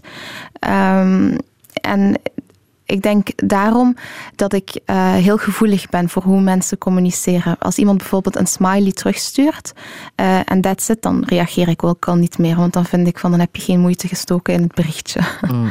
Maar het is wel iets wat de mensen bezighoudt. Als we de grote levensvragen bekijken, eh, hoe gaat het echt met jullie? Hoe gaat het echt met jou, Ea Sabi? Ik ben een beetje vermoeid, want ik heb een aantal dagen, eh, weken achter de rug. Ja, mijn boek is pas verschenen ook en ik, ik vind dat heel fijn. Dus ook emotioneel ga ik er helemaal in op. Ehm, dus ik- denk dat ik een beetje in een fase zit waarin, het, waarin ik heel... ehm, waarin het heel onwerkelijk is, enerzijds. En anderzijds ben ik ook heel gelukkig. Ehm, ik heb daarnet ook in de auto geweend. Ik, ik weet niet waarom, maar ik, ik hoorde een lied. Ik weet ook niet meer welk lied het was. Maar ik zat daar in de auto te wenen. En ik denk dat ik in een soort van rollercoaster beland ben. En dat het heel fijn is om daarin te zitten. Ja. Niels Koppes, hoe gaat het echt met jou op dit moment? Eh, goed. Ja, ik vind dat het goed gaat. ja. En wat maakt dat het goed gaat? Vooral omdat, omdat ik het gevoel heb dat ik langs alle kanten kansen krijg. Eh, en eh, ik weet niet, gewoon omdat ik denk dat ik zo een beetje probeer een attitude te hebben eh, waarin dat goed gaat en dan gaat het ook gewoon goed. Ik denk door gelukkig te zijn, word je gelukkiger en dan trekt je mensen aan die gelukkig zijn. En, allee, Is Want- gelukkig zijn een attitude? Volgens ik vind dat wel, ja. Ja, ik vind dat wel. Omdat ik heb wel dingen eh, meegemaakt onlangs of zo, een paar, een paar zaken die mij echt gekwetst hebben. Maar ik had zoiets van, pff, ja oké, oftewel staan we er stil bij en worden we eh, depressief en dan gaan de mensen rond mij depressief zijn. En oftewel probeerde gewoon, ik, eh, ik weet dat dat heel, heel evident klinkt wat ik zeg, dat is niet zo. Dat is echt gewoon iets waaraan dat werkt, die attitude zo. Maar vroeger had ik de neiging om als het, niet, als als het goed ging te denken, oei oei, het gaat even goed, even piekmoment, dus binnenkort gaat het slecht gaan. Dat was vroeger echt mijn attitude. En ik heb dat volledig omgedraaid naar, ah, het gaat slecht, geen probleem. Dat wil zeggen dat het heel binnenkort super, ne- allee, super eh, goed wordt of zo. En ik weet niet, ik vind dat een attitude waaraan dat je moet werken, omdat... Ja, omdat door al die slechtgezinde mensen eh, worden gewoon dingen gedaan die, die, die dat uitstralen, die slechtgezindheid, weet je?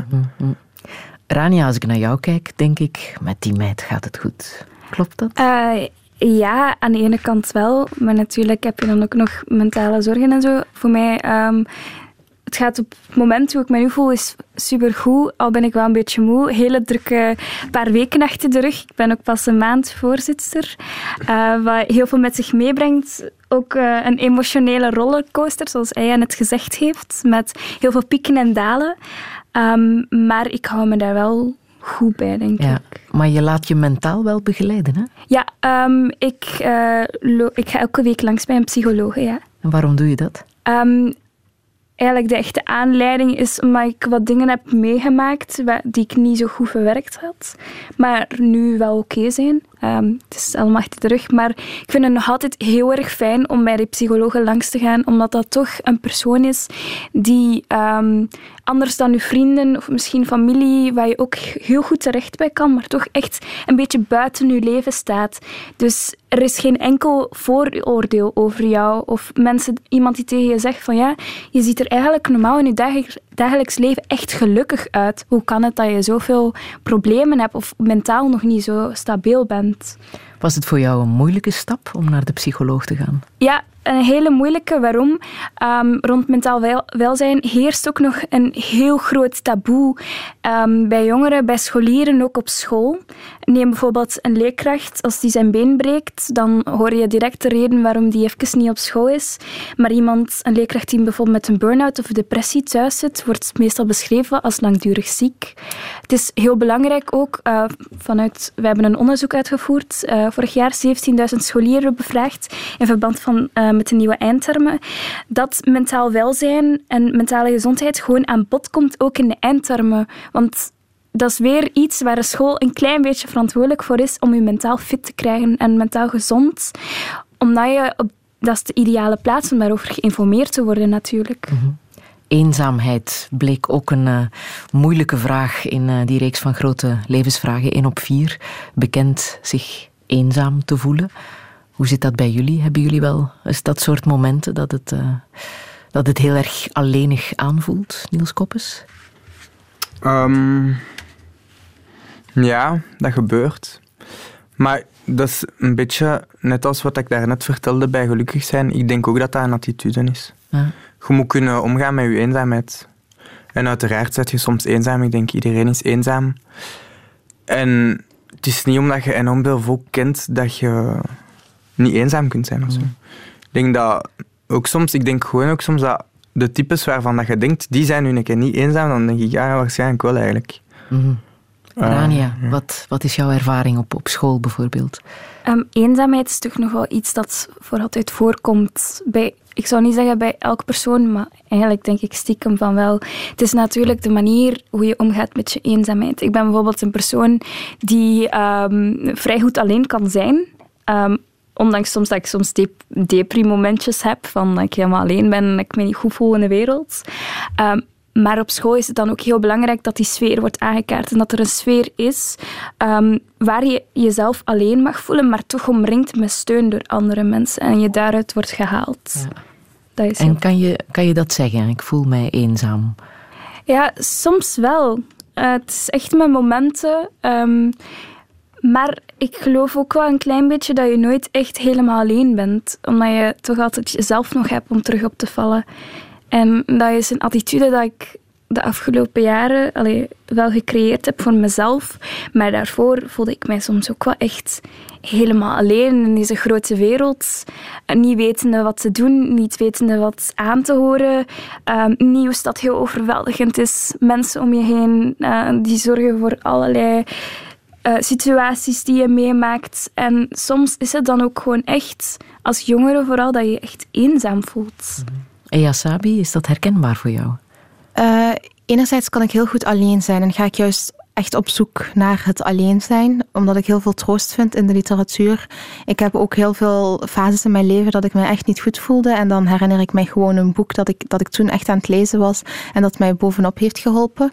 Uh, daarom vind ik de vers van Herman de Koning uh, ook heel erg mooi van leer me huilen. En als ik huil, leer me zeggen het is niets. Um, dat vind ik gewoon...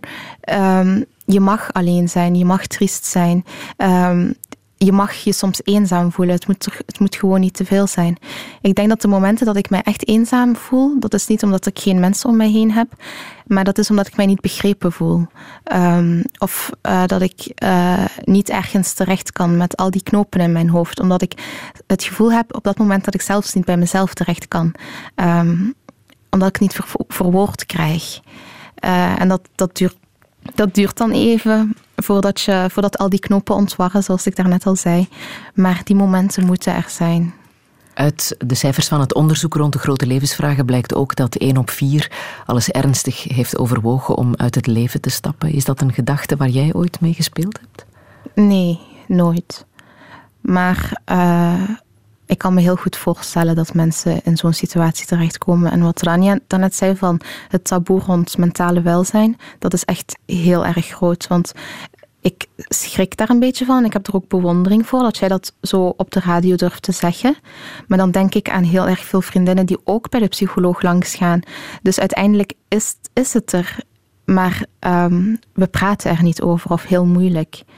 En uh, ik denk dat communicatie al een heel grote stap kan zijn in de Terwijl het een, een opluchting kan zijn als je dat gewoon zegt. Hè? Ja, zeker. Het is, ik schaam me er niet voor. Ja. En sommige mensen helaas wel, omdat het zo'n taboe is en dat niemand er eigenlijk over spreekt.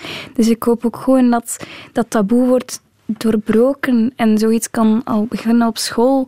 Um, maar ja, het is, het is niks ergs. Allee, het is niks ergs om langs, te gaan bij een psycholoog. Het is niet erg om even jezelf af te sluiten van de wereld, je bezig te houden met literatuur of met kunst of met tekenen of allee, te lezen of zoiets. Het is vooral dat je jezelf daar beter door laat voelen dat telt. Niels Koppes, heb jij al eens ernstig overwogen om uit het leven te stappen?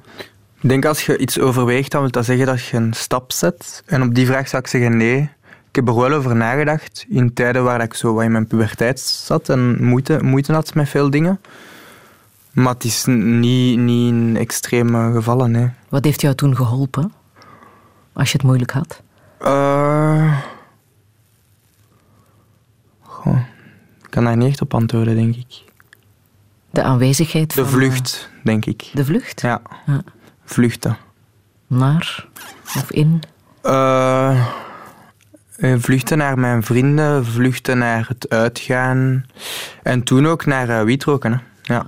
Ja. Dat is wat ik daarnet zei. Het was niet enkel het product, het was ook de achterliggende reden. Zo. Mhm. Ja. Is ehm, zelfmoord of die gedachte, is dat een gespreksonderwerp onder eh, scholieren? Uh, Rania? het, het is een onderwerp onder scholieren. Het zou ook wel veel meer in kaart mogen gebracht worden. Um, het is echt zot om te denken. Heel veel van mijn vrienden hebben zelfmoordgedachten gehad. Um, wij zijn, allee, mijn generatie, als ik dat zo mag noemen, ik, vooral omdat ik zo nu ongeveer 18 jaar ben, mijn leeftijdsgenoten, wij zijn opgegroeid uh, met echt bewust social media. Uh, wij zijn opgegroeid met heel veel uh, verhalen rond jezelf snijden, jezelf pijnigen. Um, en in die context als 14-jarige of 13-jarige, als je dat leest op social media en denkt van, van wow, die mensen gaan zo met hun problemen op, waarom zou ik dat dan niet doen? Um, is wel een heel groot aspect dat meegedragen heeft.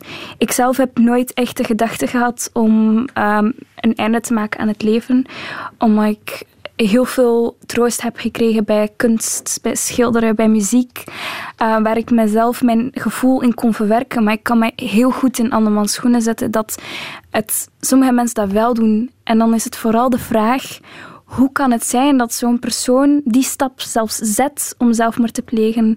Uh, hoe kan het dat wij dat niet hebben opgemerkt? Of ja, het is gewoon heel belangrijk om die aanleiding daarvan onder de loep te nemen en te zorgen dat het niet gebeurt. En een steun te zijn voor iedereen. Mm -hmm. En het bespreekbaar te maken, hè? dat kan al. Dat is heel belangrijk. Ja. Zo is er de zelfmoordlijn 1813, waar je altijd kan naar bellen. Ja. En waar altijd mensen bereid zijn om eh, naar je verhaal te luisteren.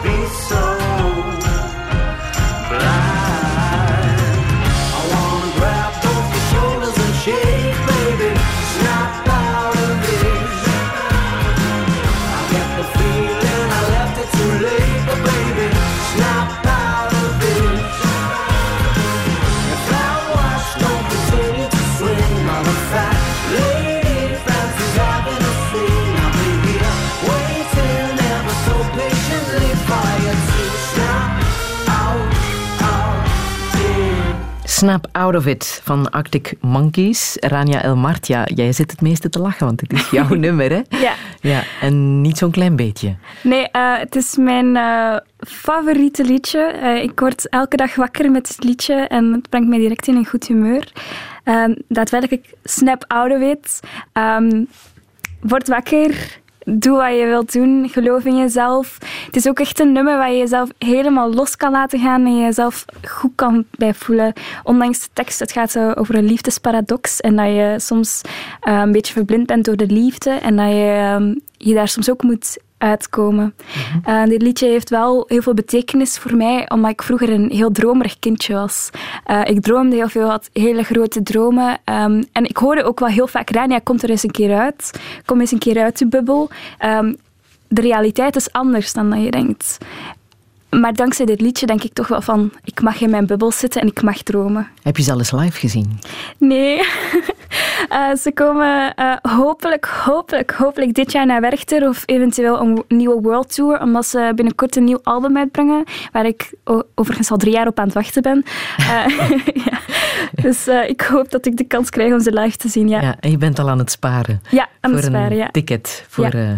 Mogelijk Werchter. Ja, De- je- ja, dat ja. hoop je. Ja, dat, ik ze, hoop dat, dat ze naar Werchter komen. komen. Dus als de mensen van Werchter aan het luisteren zijn, eh, breng mijn droom in vervulling, AUB. Ehm, wat zijn jullie toekomstplannen, eh Ea Sabi? Ja, ik leef eigenlijk van dag tot dag. Dus ik, ik weet het niet zo goed. En ik laat me vooral ik, ik wil dat het leven mij overvalt. En dat ik eh, gewoon open in het leven sta. Dat eh, Niels zei net al van dat hij heel veel kansen aan het krijgen is. En ik voel me ook wel een beetje gezegend. En ik ben ook wel dankbaar dat Want je hebt al veel bereikt. Hè? Je bent zelfs al bij de koning geweest, vorige week. Ja, ik stond heel dichtbij, maar ik heb, niet, eh, ik heb niks kunnen zeggen. Nee? Nee. Je bent wel ontvangen. Ja. Of hoe kwam je in de buurt van de koning terecht? Eh, ik mocht naar het, eh, naar het Paleisconcert. Dat stond in het teken van jonge talenten. En ehm, iemand van het paleis kwam dan achteraf wel naar mij toe. En dan vroeg hij wie ik was. En dan zei ik mijn naam. En toen zei hij, ah, je bent die jonge schrijfster uit Genk. Dus nu gaat mijn uitgever wel het boek doorsturen. Zodat, ja, als, als een dankjewel terug. Ja, ja. Jouw toekomstplannen, Niels Koppes, die zitten al goed op de sporen, hè, denk ik. Eh, ja. Ehm, mijn, persoonlijke, mijn persoonlijke toekomstplan is dat ik nu een nieuwe locatie aan het zoeken ben voor het project Biestebroek. Dus dat is zo binnen mijn functie van mijn jobvoortoestand. Ik eh, ben een residentie aan het plannen in eh, Zwitserland, in Bienne, waar een vriend van mij, een, allee, een, ja, een, een kennis die echt een goede vriend is geworden, een project runt van tijdelijk gebruik ook, waar ze een voetbalstadium hebben omgebouwd tot eh, een gigantische multiculturele site met allerhande activiteiten. Het voetbalveld is eh, een patattenveld geworden. Eh, en ze doen daar van alles en ze hebben mij vorige zomer gevraagd of ik op residentie wou komen. Dus ik ben daar een beetje aan het plannen. En dan voor toestand komt er een boek aan. We zijn een boek aan het schrijven waar we al drie jaar, als ik me niet vergis, aan aan het werken zijn. Vooral Lola, die eh, daar de pluimen voor verdient. En binnenkort komt dat boek uit. En dus we gaan dat dan eh, ergens presenteren, staat nog niet vast waar. Jullie praten allebei over werk, weten jullie dat? Ja, maar werk is passie. Hè? Ja. Allee, ik zie mijn werk niet als mijn job, alleszins. En het leven, gezin, kinderen, denken jullie daar al over na? Niels? Eh, nee, ik, ah, ik weet niet. Ja. Ik zou niet weten met wie.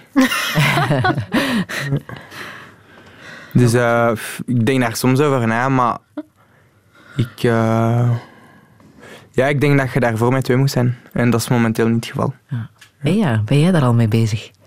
Nee, maar zoals ik daarnet al zei, ik, ik laat me overvallen door het leven. Maar ik, ik denk niet dat het eh, binnen nu en vijf jaar ben ik er niet mee bezig. Nee. Mhm. Ik wil nu, ik heb van, van mijn passie mijn werk gemaakt. En ik wil daar nu echt op focussen. Rania, wat zijn jouw toekomstplannen? Ben jij al bezig met een, een goed lief gezinsleven? Heb jij Eh, daar al dromen over? Eigenlijk niet echt, nee, want het leven kan op zoveel manieren uitlopen. Er is niet echt een manier om alles te kunnen uitplannen.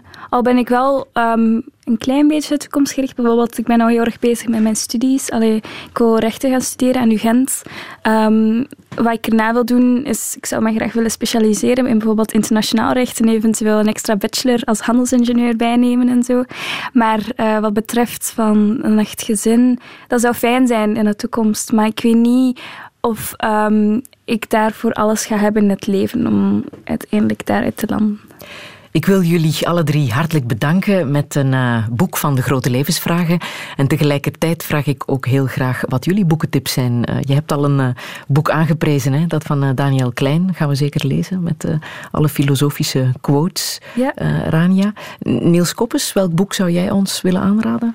Ehm, ik had een boek opgeschreven dat ik gelezen heb in het kader van mijn scriptie eh, in de tijd toen ik nog aan KASK studeerde en dat mij wel echt eh, gemarkeerd. Dat is Brussels woord, hè, gemarkeerd. Ge- geraakt. Hè. Ja.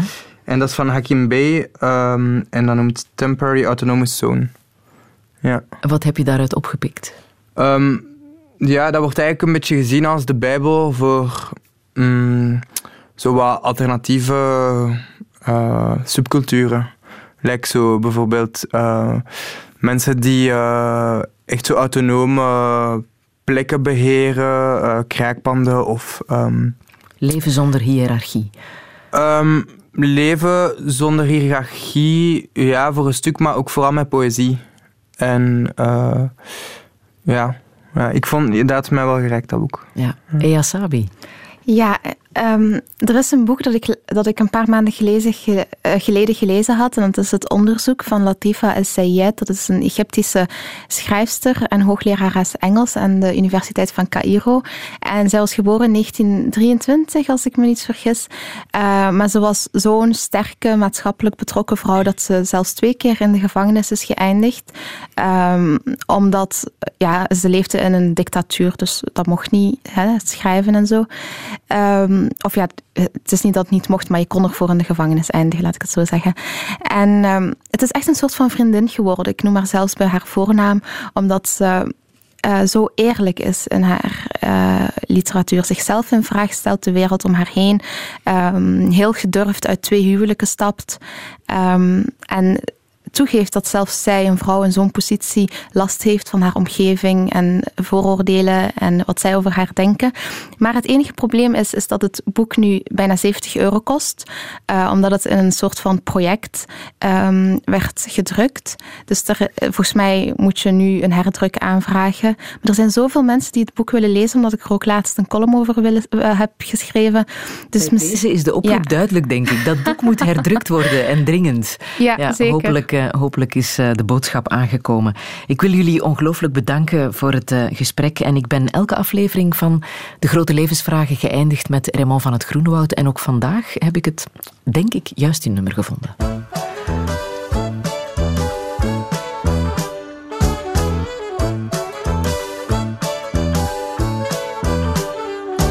Als ik denk aan mijn schoolgaande jeugd, oh heerlijke tijd was dat. Ah, het deed mijn verstand zoveel deugd, dat ik mij wou verzuipen in bad. Al die vriendelijke meesters, de zon op het plein, de leerlingen met bruine boekentas. Ach, hoe licht was mijn hart in die tijd. Hoezeer kon ik iedereen haten, als ik denk aan mijn schoolgaande jeugd. Dan schiet de weemoed mij in het hart. Ah, hoe leerzaam was heel die tijd. Zou niet weten wat. Tenzij die enorme rotgrap van de leraar tekenen, die mij nooit tekenen gaf. En de proppen die ik mocht trappen van het plein. Als ik dan ook een klein kwartiertje vrij had. En de ferme greep van de prefect. Waarbij de botten kraakten. Als ik denk aan mijn schoolgaande jeugd. Dan schiet ontroering mij in het hart. Daar gaat de bel van Ringeling, dat ik de lucht in ging. Rijen, leien, twee aan twee, best van al gedwee. Benen stromen in de muf, mufferklas al waar ik suf. Zure zweters, dat doet deugd, slot van onze jeugd. Als ik denk aan mijn schoolgaande jeugd, de glimlach op het gelaat. De selectie wie deugt en niet deugt, de ouders verdrietig en kwaad. Ah, we hebben geen kind om trots op te zijn. De kennissen, oh weer hun vragen doen pijn. Als ik denk aan mijn schoolgaande jeugd, zeg ik tegen mijn peuters. Als ik denk aan mijn schoolgaande jeugd, dan schiet de vreugde mij in het hart. Daar gaat de bel van Ringeling, qua dat ik de lucht in ging. Rijen, leien, twee aan twee, best van al gedwee.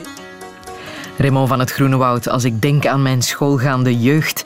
En ik wil hier eh Aya Sabi danken, Rania Elmart en Niels Koppes voor deze laatste touché met alleen maar grote levensvragen. Alle info staat na te lezen op radio1.be. De theaterversie toert nog tot eind april volgend jaar. Check ook even de speellijst op de website van eh, De Grote Levensvragen. Misschien komen we ook wel in jouw buurt langs. En volgende zondag doet Touché weer normaal. Nu ja, normaal. We zitten live op de boekenbeurs met de jarige Herman Brusselmans. Bart Peters komt ook mee vieren. De tent zit vol, maar luisteren kan altijd. Tot volgende zondag. Herbeluister de grote levensvragen in Touché via de podcast, de Radio 1-app en radio1.be. Radio 1.